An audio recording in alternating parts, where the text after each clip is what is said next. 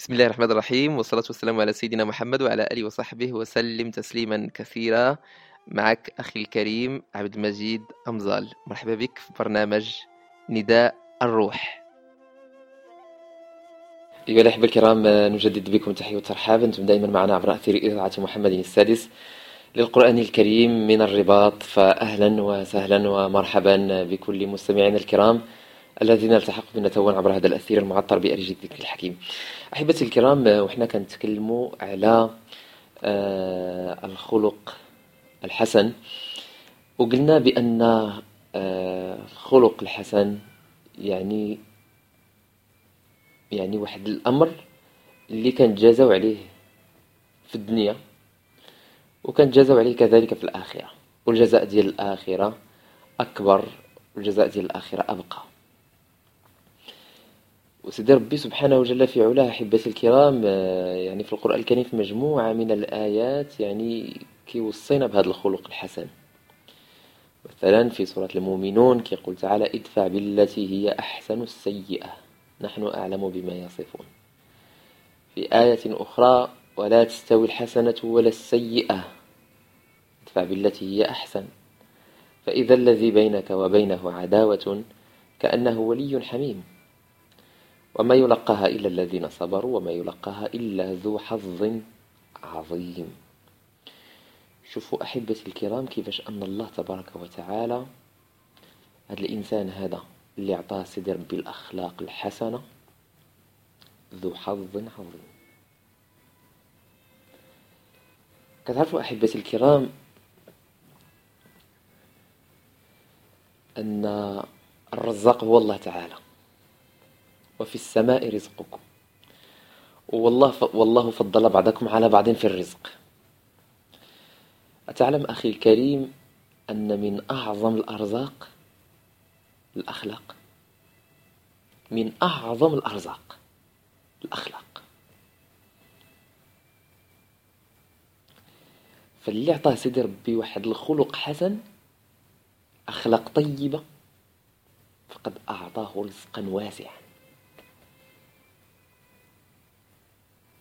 والمحروم من الأخلاق راه محروم من واحد الرزق عظيم جدا. صاحب الخلق الحسن أحبتي الكرام قريب من الناس. قريب من رسول الله صلى الله عليه وعلى آله وسلم. أقربكم مني مجلسا يوم القيامة أحاسنكم أخلاقا. فصاحب الخلق الحسن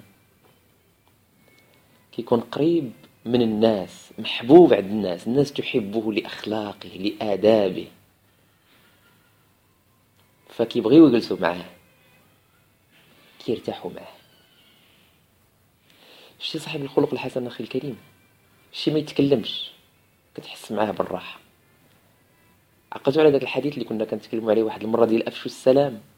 صاحب الخلق الحسن ملي كتجلس معاه كتكون حاس به بأنه سلام. انت معاه كتحس بأنك في حالة سلام في حالة أمان معاه في ضمان في طمأنينة. ما كتكونش رد البال لفمك. ما كتكونش كيف نقولوا بالدارجة دير منه attention كتعامل معاه بتلقائية وكيتعامل معك بتلقائية. إنسان بسيط. وأنت متأكد بأنه ما غيأذيكش. ما كديرش معاه خلفيات. كيف هو ما ديرش معك الخلفيات؟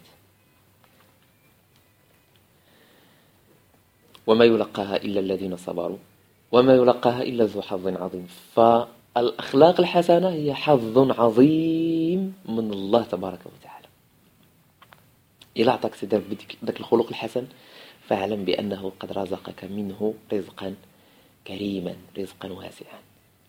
شوفوا الناس دائما إحنا كبشر كيبان لنا دائما بأن الرزق مجرد ما كتذكر كلمة الرزق مباشرة كيمشي العقل مع المال. كيمشي العقل مع زينة الحياة الدنيا. كيمشي العقل مع الممتلكات. ولكن الرزق حاجة أخرى. الرزق أرزاق متنوعة وأرزاق كثيرة. لكي أكد هذا المعنى أحبتي الكرام في القصة ديال قارون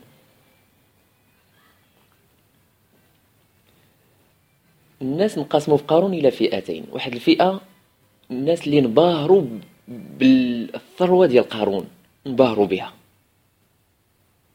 بهراتهم هذيك الثروة الهائلة هذيك القصور الضخمة ديالو الواسعة الجميلة.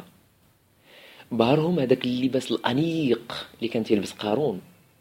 بهرهم هذيك النضارة اللي كانت في البشرة ديالو وداك الجمال اللي كان عنده في الوجه ديالو وفي شعره بهراتهم هذيك الاموال الطائلة هذيك الكنوز اللي كانت عنده. تنوء بالعصبة أولي القوة ديك الصناديق الضخمة اللي كانت فيها الأموال الدنانير الذهبية ديال قارون. فكانوا خصهم يجيو دوك الرجال الأقوياء الأشداء. واحد المجموعة منهم باش يبداو يحركوا هذيك الصناديق لثقلها ول يعني كثرة ما فيها من ذهب.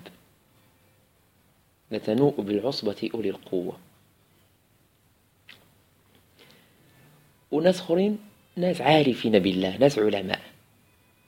فهذوك العلماء تيقولوا لهذوك الناس ويلكم ثواب الله خير لمن آمن وعمل صالحا. فكيوريو الناس طريق الخير كيوريو الناس طريق كينوروا لهم البصائر ديالهم تيقولوا شوفوا راه الدنيا راه زينة راه واحد الحاجة اللي بحال شي واحد كان ناعس وكيحلم فقط. مهما كان الحلم جميلا ففي النهاية سينتهي. شنو قالوا هذوك الناس اللي انبهروا بقارون وبثروة قارون؟ يا ليت لنا مثل ما أوتي قارون. يا ليت لنا مثل ما أوتي قارون. إنه لذو حظ عظيم. ففي اعتقادهم لأنهم كانوا مساكن جاهلين كانوا مساكن تيشوفوا في ظاهر الحياة الدنيا. فكانوا كيعتقدوا بأن اللي عنده المال واللي عنده العقارات واللي عنده يعني الثروات راه هذا هو المحظوظ. يا ليت لنا مثل ما أوتي قارون إنه لذو حظ عظيم. فسيدي ربي في القرآن الكريم كيعطينا الصورة الحقيقية. في الأخلاق رأس المال الحقيقي الثروة الحقيقية.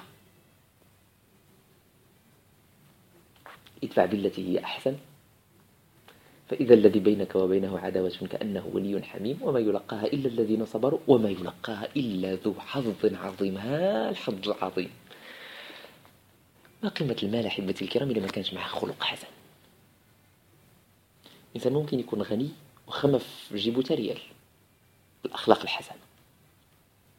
تحبه الناس وتكرمه وتجله وتقدره.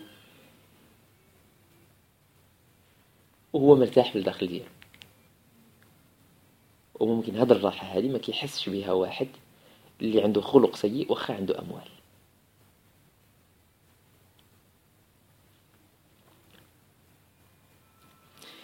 يكفي في الخلق. الحسن أن اللي كيتقرب منك تيتقرب منك لأخلاقك. والأخلاق واحد الحاجة اللي ممكن تبقى مع الإنسان دائما.